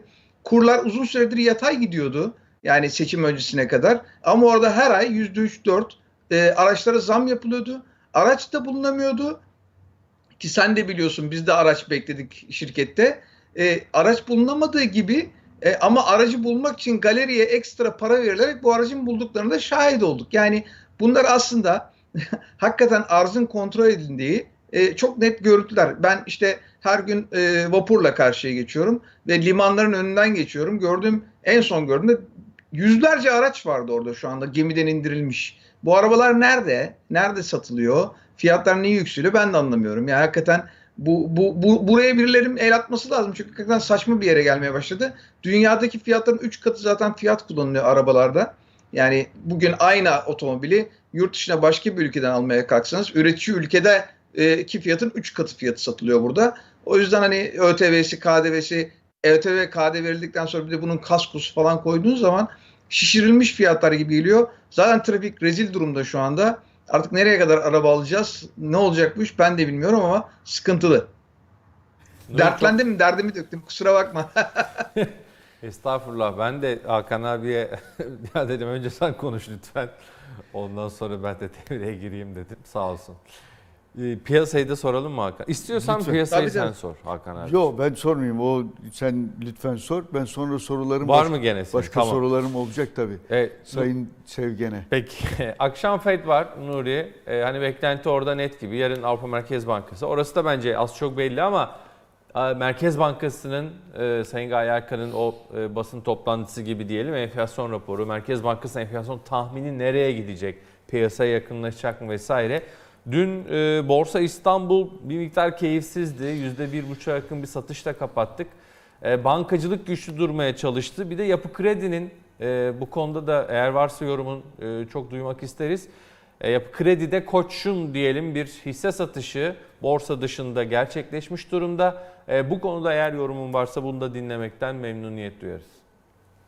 Fed'den başlayarak senin soruların cevaplarmaya çalışayım. E, Fed'in evet bugün dün başlayan FOMC toplantısı bugün sonuçlanacak. Saat 21'de %100'e yakın bir oranda 25 bas puanlık arttırım bekleniyor piyasalarda. Bunun aksi sürpriz olur ki Fed sürprizi sevmiyor. Ama asıl beklenti saat 21.30'dan itibaren Powell'ın konuşmaları ve beklentileri e, ile ortaya çıkacak. Benim düşüncem e, seç yani bu açıklamalardan önce gene bir özellikle dolar endeksine, dolara dayalı diğer enstrümanlarda hareketlik olacaktır. Ama Powell'ın konuşmasıyla birlikte sanıyorum piyasa rahatlayacaktır diye düşünüyorum ben. E, çünkü dolar endeksi yeniden bir yukarı gitti ve 101,5 seviyesine geldi. Buralardan geri çekilmesi lazım. Yeniden 99 seviyelerine geri gelecek gibi görünüyor. Bu da sanıyorum o dönem, o saatlerde olur. Yani önümüzdeki dönem bir süre daha e, dolar endeksinin yatay ya da aşağı geldiği, dolara bağlı diğer enstrümanlar, yani dolar endeksi aşağı geldiği zaman e, başta euro dolar paritesi olmak üzere ki %58'i dolar endeksinin yukarı doğru hareketlenecek. Yani euroda paritenin 1.12'leri tekrar göreceğiz. Sterlinde belki yeniden 1.30'un üzerine çıkacağı, e, altında yeniden bir hareket yapacağı zamanlar görme ihtimalimiz var gibi görünüyor. Onu bekliyoruz. İçeride bunun çok bir etkisi olmayacak ama içeride şöyle bir etki var. E, Merkez Bankası Başkanı'nın yani Türkiye Cumhuriyet Merkez Bankası Başkanı'nın konuşması yarın ertelendi. Bunun sebebi muhtemelen FED ile ilgiliydi. E, FED toplantısından çıkacak sonuçları bağlı olarak yarın e, Türkiye Cumhuriyet Merkez Bankası Başkanı Hafize Hanım'ın konuşmasını bekleyeceğiz. E, burada yapacak olan konuşmada özellikle Türkiye'nin ya da ekonominin ve para sisteminin geleceğine dair önemli mesajlar vermesini ümit ediyoruz. Ama çok yapay ya da sıradan bir toplantı olursa çok da bir etkisi olmayacaktır bence. Piyasaya gelirsek de ki bunu yarın konuşuruz. Merkez Bankası kararı öncesinde yarın konuşuruz. Yani pardon toplantısı öncesinde. E, dün piyasada evet borsada satışlar vardı bir miktar. Zaten bir süredir yayınlarda size de söylüyorum. Bir güç kaybı var. Dikkatimi çekiyor. Yukarı doğru gidiyor ama biraz tedirginim. Bir düzeltme ya da yatayda gitme olasılığı var demiştim. O olasılık gerçekleşiyor. E, bu güç kaybı da endeksi aşağı getirecek gibi bir miktar getirecek gibi görünüyor. E, burada tabii Koç Holding ve Yapı Kredi Bankası haberleri muhtemelen açılışımızı olumlu yansıtacak. Çünkü dün de Amerika'da iyi kapatmış. Yurt dışı fena değil şu anda gördüğüm kadarıyla kötü görünmüyor. Ancak bu yukarı doğru bir satış fırsatı olarak mı değerlendirecek yoksa alışların devamı mı gelecek ona bakmak lazım. Çünkü burada iki şey var. Bir Koç Holding evet bunu yaptı ve Koç Holding'e ciddi bir giriş olacak nakit girişi. İki Yapı Kredi Bankası hisse senedi fiyatının oldukça altında satıldı. 11.75 civarında fiyattı. Yanlış hatırlamıyorsam ortalamaya vurduğun zaman satış fiyatı bir daha bir kontrol edeyim. Evet 11.75'ten olmuş gibi görünüyor. E, dün kağıdın kapanışı 13'ün üzerinde 13.37 idi. E, bu noktada baktığınız zaman e, Yapı Kredi Bankası'nın endekste ağırlığı, endeks yüzdeki ağırlığı yaklaşık %2. Koç Holding'in endeks yüzdeki ağırlığı da 4'e yakın 3.8 civarında. Koç Holding yukarı gider. Yapı Kredi belki biraz aşağı gelir. Dengeleyici olur. Açılışımız bir miktar iyi olur. Sonrasında bu açılış gazıyla yeniden satış gelirse aşağı doğru eğilim olur ki bu eğilim daha da hızlı olarak gelebilir. Yani benim endişelerimi dile getiriyorum. Umarım olur olmaz noktasında böyle olacak demek zor. Ama gördüğüm kadarıyla endeks yüzde 6700 seviyeleri zorlu bir yer.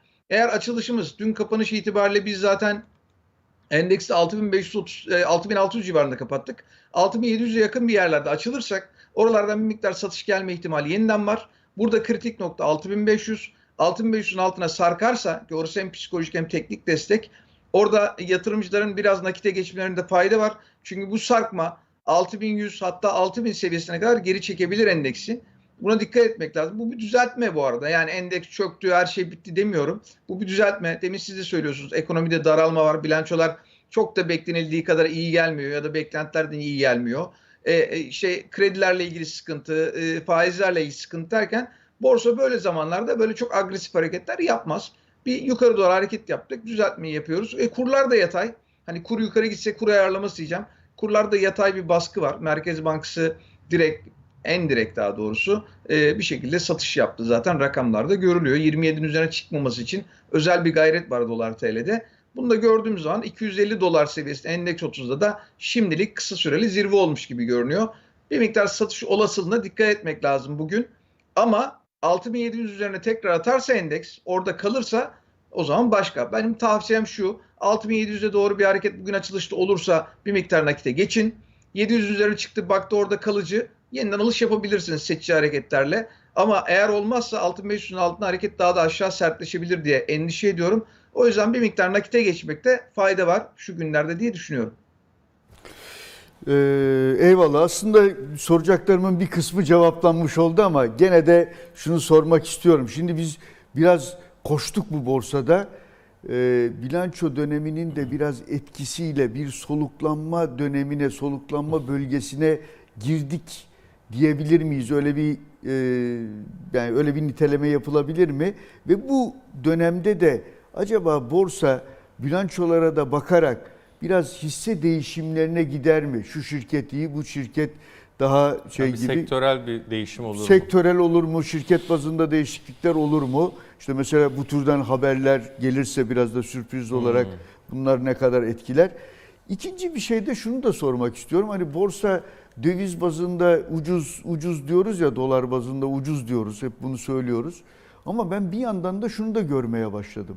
Bu bilançolar da biraz gösteriyor ama genel olarak Türkiye'deki şirketlerin e, döviz bazında küçülmeye başladıklarını da e, görüyorum. Bu nasıl etkiler diye de merak ediyorum. E, doğru söylüyorsunuz. Şimdi öncelikle ilk sorunuzdan başlayayım. Evet e, bir miktar bilanço beklentileri her zaman piyasa düşürücü etki yapar. Yani beklenti gerçekleşmiştir, fiyatlanmıştır. Sürprizler tabii ki olacaktır ama bu seçici hareketlere dönüş olacaktır. Yani e, X hisse senedi e, çok yukarı gitmiştir. E, bu, bu yukarı gidişte artık belli bir beklentiye dairdir. Spekülatif olmadığı varsayıyorum. E, o beklenti gerçekleşmiştir. Mesela iyi kar açıklamıştır. Artık o fiyatlanmıştır. Hatta belki gereğinden fazla fiyatlanmıştır. Oradan çıkıp başka senetlere geçme noktasında hareketleri bu dönemde çok göreceğiz. Yani borsa düşüyor da bütün hisse senetleri düşmez. Yükselmemiş, bu yükselişe katılmamış da pek çok hisse senedi var. Ki bu da zaten dolar bazında durumu gösteriyor. Yani endeks dolar bazında 250 doları gördü ama e, burada pek çok senet dolar bazındaki o büyük ayarlamayı kendini gösteremedi. Bunun birkaç sebebi var. Bu senetler endeks üzerinde etkili değillerdi. Daha önceki hareketi yaratan senetlerin başında özellikle varlık fonunun alışları vardı. Varlık fonunun alışları olduğu için de bu arzı kısıtladı ve yukarı doğru hareketi biraz daha rahatlattı. E, bir de bilanço beklentileriyle ilgili beklentisizlikler var. Bunları koyduğunuz zaman ucuz kalan ya da en azından endeks e, pardon dövizdeki harekete pek endekslenmeyen hisse senetleri mevcuttu. E, bunlar olacak ve hatta bu senetlere doğru kaçışlar olacak. Aa, ben şu kadar kar ettim hangi senede alsam buradan hangisine geçsem bu geçişler çok fazla yapılacaktır. Portföy yöneticileri ya da yatırımcılar tarafından. Ancak şu da bir gerçek bilançolara geldikçe hep bunu söylüyorum. Bize enflasyon muhasebesi uygulanmıyor. Uygulanmadığı için de bilanço nominal olarak geliyor. Sizin enflasyonunuz işte e, hangi enflasyon aldığınıza bağlı olarak değişir diyelim ki reel yani resmi kuru resmi enflasyon TÜİK'ini aldığınız zaman %40 civarında bir enflasyon var ama bakıyorsunuz karlar %40'ın üzerinde gelmeyen şirketler olabiliyor, altında olabiliyor. Bu bu durumda aslında zarar etmiş gibi düşünmek lazım. Yani bu şirketler cirosunu bile o kadar arttırmamış şirketler mevcut olabilir. O yüzden bu seçici hareketleri yaparken buna bakmak lazım. O süper kar açıkladı. Geçen sene şu kadar üzerine ama enflasyon ki Resmiden bahsediyorum. Bir de Enag'inkini aldığınız zaman ya da ortalamasını aldığınız zaman belki daha doğru bir rakam çıkar. O yüzden burada reel satışlar, reel gelirler ona bakmak lazım. Tabii burada şu da var. Bu nominal bazda açıklanan fiyatlara bağlı olarak hisse senedinin fiyatı FK'sı da defter değeri de düşüyor. Bu da hisseyi ucuz yapıyor. Tamam burası doğru. Dolar bazında da ucuz yapıyor. Bu da doğru yatırım anlamında. Ama şirketin gelecekle ilgili rasyolarının e, nereye gideceğini ölçmek açısından bu da önemli. E, buna da dikkat etmek lazım. Bilanço analizi önemli bir noktaya geliyoruz. Bu dönemlerde artık ne alsan gider noktasında değiliz. Daha seçici hareketler, daha yapıcı hareketler lazım. Bir de dönemsellikten bahsetmem lazım. Genelde Ağustos ayları dönemsel anlamda daha yaz aylarının en yoğun olduğu için biraz daha durgun, çok hareketli olmayan, yukarı doğru yönlü hareketlerin çok nadir olduğu aylardır. Genelde bu tür aylar Ağustos'un sonu ve Eylül gibi başlar. O yüzden Ağustos ayını biraz dinlenme ayı, biraz güç toplama ayı diye düşünmemiz lazım diye düşünüyorum ben. Biraz da tatil ayı diyelim umarım. Evet, evet. Nuri Seygen. Çok teşekkür ederiz. Ağzına sağlık, kolaylıklar diliyoruz. Teşekkür ederim, yayınlar diyorum. Sağ olun. Yatırım Finansman. Direktörü Doktor Nuri Sevgen'le birlikteydik.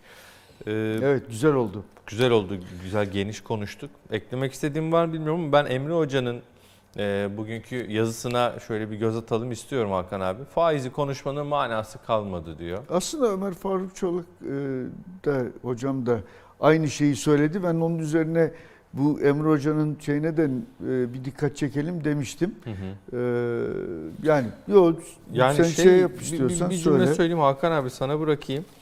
Ee, işte talep baskılanıyor diyor hoca onu görüyoruz ama yeterince beklenecek mi? O yeterince işte benim aslında sana Nuri'den sonra bir konuşalım Evet, dediğim evet, hikaye. Ne kadar buna bir sabredeceğiz? Ya bir taraftan da Emre Hoca güzel bir şeye de dikkat çekmiş. Cumhurbaşkanı Erdoğan diyor maaş artışları yapıyor. Hemen arkasından Hazine Maliye Bakanlığı vergileri artırıyor. Evet. Yani diyor ki hani bir, sen de buna dikkat çek. Yani bir taraftan veriyoruz bir taraftan alıyoruz. İşte e, atıyorum emeklilerle ilgili ya dur emekliler hakikaten unutuldu mu geride kaldı. Cumhurbaşkanı şöyle ona da düzenleme gelecek diyor. Tak işte yarın bugün başka bir vergiyle mesela biz yine yüks. Hani bir veriyoruz bir alıyoruz bir alıyoruz bir veriyoruz. Burası alver şeklinde e, Gidiyor. gidiyor gibi bilmiyorum ne Ve de kafa karışıklığı yaratıyor.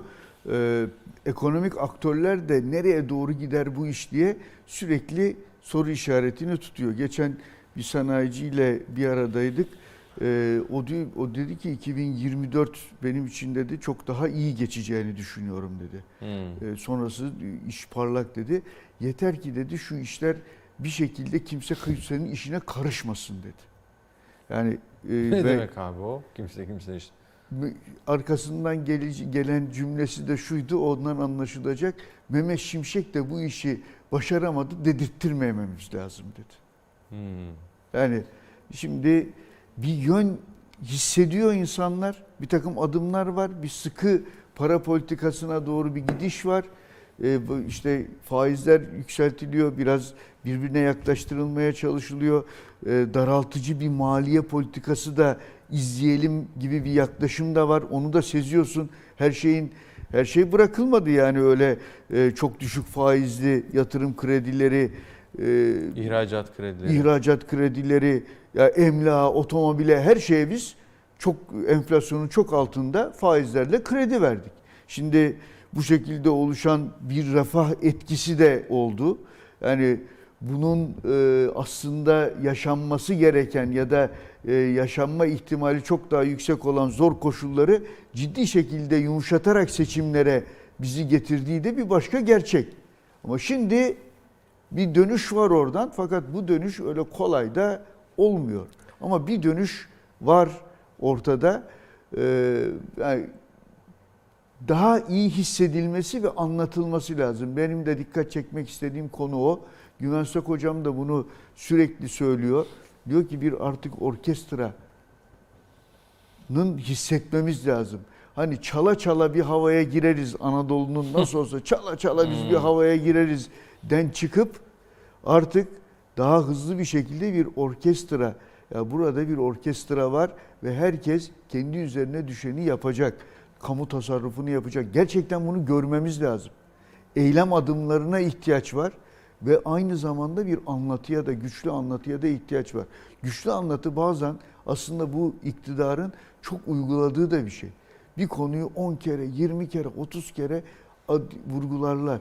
O sadece insanlar anlamadığını düşündüklerinden değil. Ya biz buradayız'ı sürekli anlatmak içindir. O şu anda çok fazla olmuyor doğrusu. Belki yarınki toplantı o açıdan da önemli olacak. Yarın bir fırsat olabilir. Fırsat olabilir. Tüm bu Merkez Bankası bu süreci daha hızlandıracak o anlatısıyla beraber e, Güçlendirecek güçlendirecek bir yan olabilir. yan olabilir. Göreceğiz. Bir ufak sana şey okuyacağım. Lütfen. Cumhurbaşkanı Tayyip Erdoğan, Sayın Şimşek ve Merkez Bankası ekibine yüksek faize ilişkin dikkatli olmalarını söylemiş.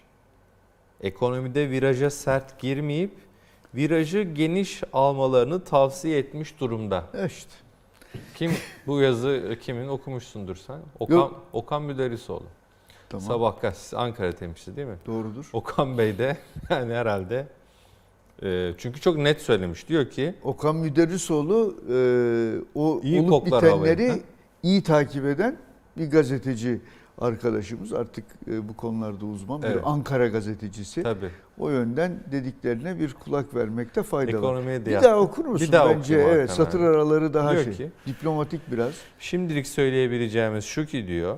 Zaten diplomatik olduğunu böyle girerek de söylemiş. Tabii yani. Evet. Ama ben söylüyorum anlayın gibi. Ama ifade çok net şöyle Evet. diyor. Cumhurbaşkanı Tayyip Erdoğan, Sayın Şimşek ve Merkez Bankası ekibine yüksek faize ilişkin dikkatli olmalarını söylemiş. Evet. Ekonomide viraja sert girmeyip virajı geniş almalarını tavsiye etmiş durumda Evet. E, dikkat, diye yazmış Okan Müderrisoğlu. Ya benzer şeyleri e, bazen Duyuyoruz duyuyoruz. Evet. duyuyoruz ama e, sonuçta Müderrisoğlu'nun bunu e, bu şekilde yazmış olması önemli. E, demek ki e, şu anda bize konuştuk değil mi? Merkez Bankası'nın eli rahat görünmüyor. Çünkü 250 bas puan yaptı faizi fakat aslında daha yüksek yapsa ulaşabileceği amaçlar olan o miktarsal sıkılaştırma vesaire gibi şeyleri çok daha hızlı bir şekilde yapabilir. Ama yapamıyor demek ki. E burada da bunun etkisini e, yani bu açıklamanın etkisini görüyoruz. O zaman yarın da diyelim ki böyle çok net bir şey e, belki de beklememek lazım. Göreceğiz. Ee, yani bu, bu işte hibrit dönem dediğimiz Hakan abi ya da daha Evet. önce faiz koridoru şeklinde gördüğümüz süreçleri bana hatırlatıyor. Sen tabii Evet. benim yanımda sen ben burada yardımcı olmaya çalışıyorum. Estağfurullah Ee, Laf demek? düşmez ya, ama beraber biz mesela son 250 bas puan faiz artışı geliyor ama yan düzenlemelerle Merkez Bankası ticari kredi faizine 9 puana yakın etki edecek düzenleme yapıyor. aynen öyle. Ama politika ya da politikacı faizi de kimilerin e, ifade gal- galiba Ali, Ali Ağaoğlu der e, ya da Murat Saman der e, affetsinler beni. Politikacı faizi 250 bas puan artarken piyasanın ticari kredi faizi 9 puan. E, bu işte geçmiş dönemleri biraz hatırlatıyor. E, bakacağız yarınki hakikaten izleyeceğiz. Sonuna da geldik Hakan abi. FED bu akşam faizde ne karar verir, ne yapar diye izleyicilerimize sormuştuk anketimizde. %76 artırır diyor ağırlıklı bir şekilde izleyicilerimizin. Artırmaz diyenler %24 e, azınlıkta kalmışlar Evet. ama yani %75'i artırır diyor. Artırır. Dünkü ankette anlatırız dediğiniz neydi? Yani oraya tabii Adana'daki o maalesef deprem haberi girmiş. Ondan dolayı şeye girdik sonucunu e, aktarabilirdik diye Hmm. ama maalesef o deprem meselesinden sonra e, sonuçlar olmadı. Bence dedik. onu biz bir daha bir düzenleyip gene e, soralım. Bu hamlelerin nelere yol açacağına, nelere yol açabileceğine ilişkin izleyicilerimize alalım. enflasyonu arttırır mı, cari açığı düşürür mü, kredilerimi sıkar ne olur diye onu sormuştuk. Gene o, o yönde bir anket hazırlar ve en kısa zamanda da yayımlarız. Hakan abi çok teşekkür Ben ederim. teşekkür ediyorum. Ekonomi Masası her sabah bu YouTube kanalında, Ekonomi Gazetesi'nin YouTube kanalında Nasıl ve Ekonomi TV başlığı altında sizlerle oluyor. Yarın 7.30'da başlayacak. 8'de bizler de burada olacağız. Allah'a ısmarladık.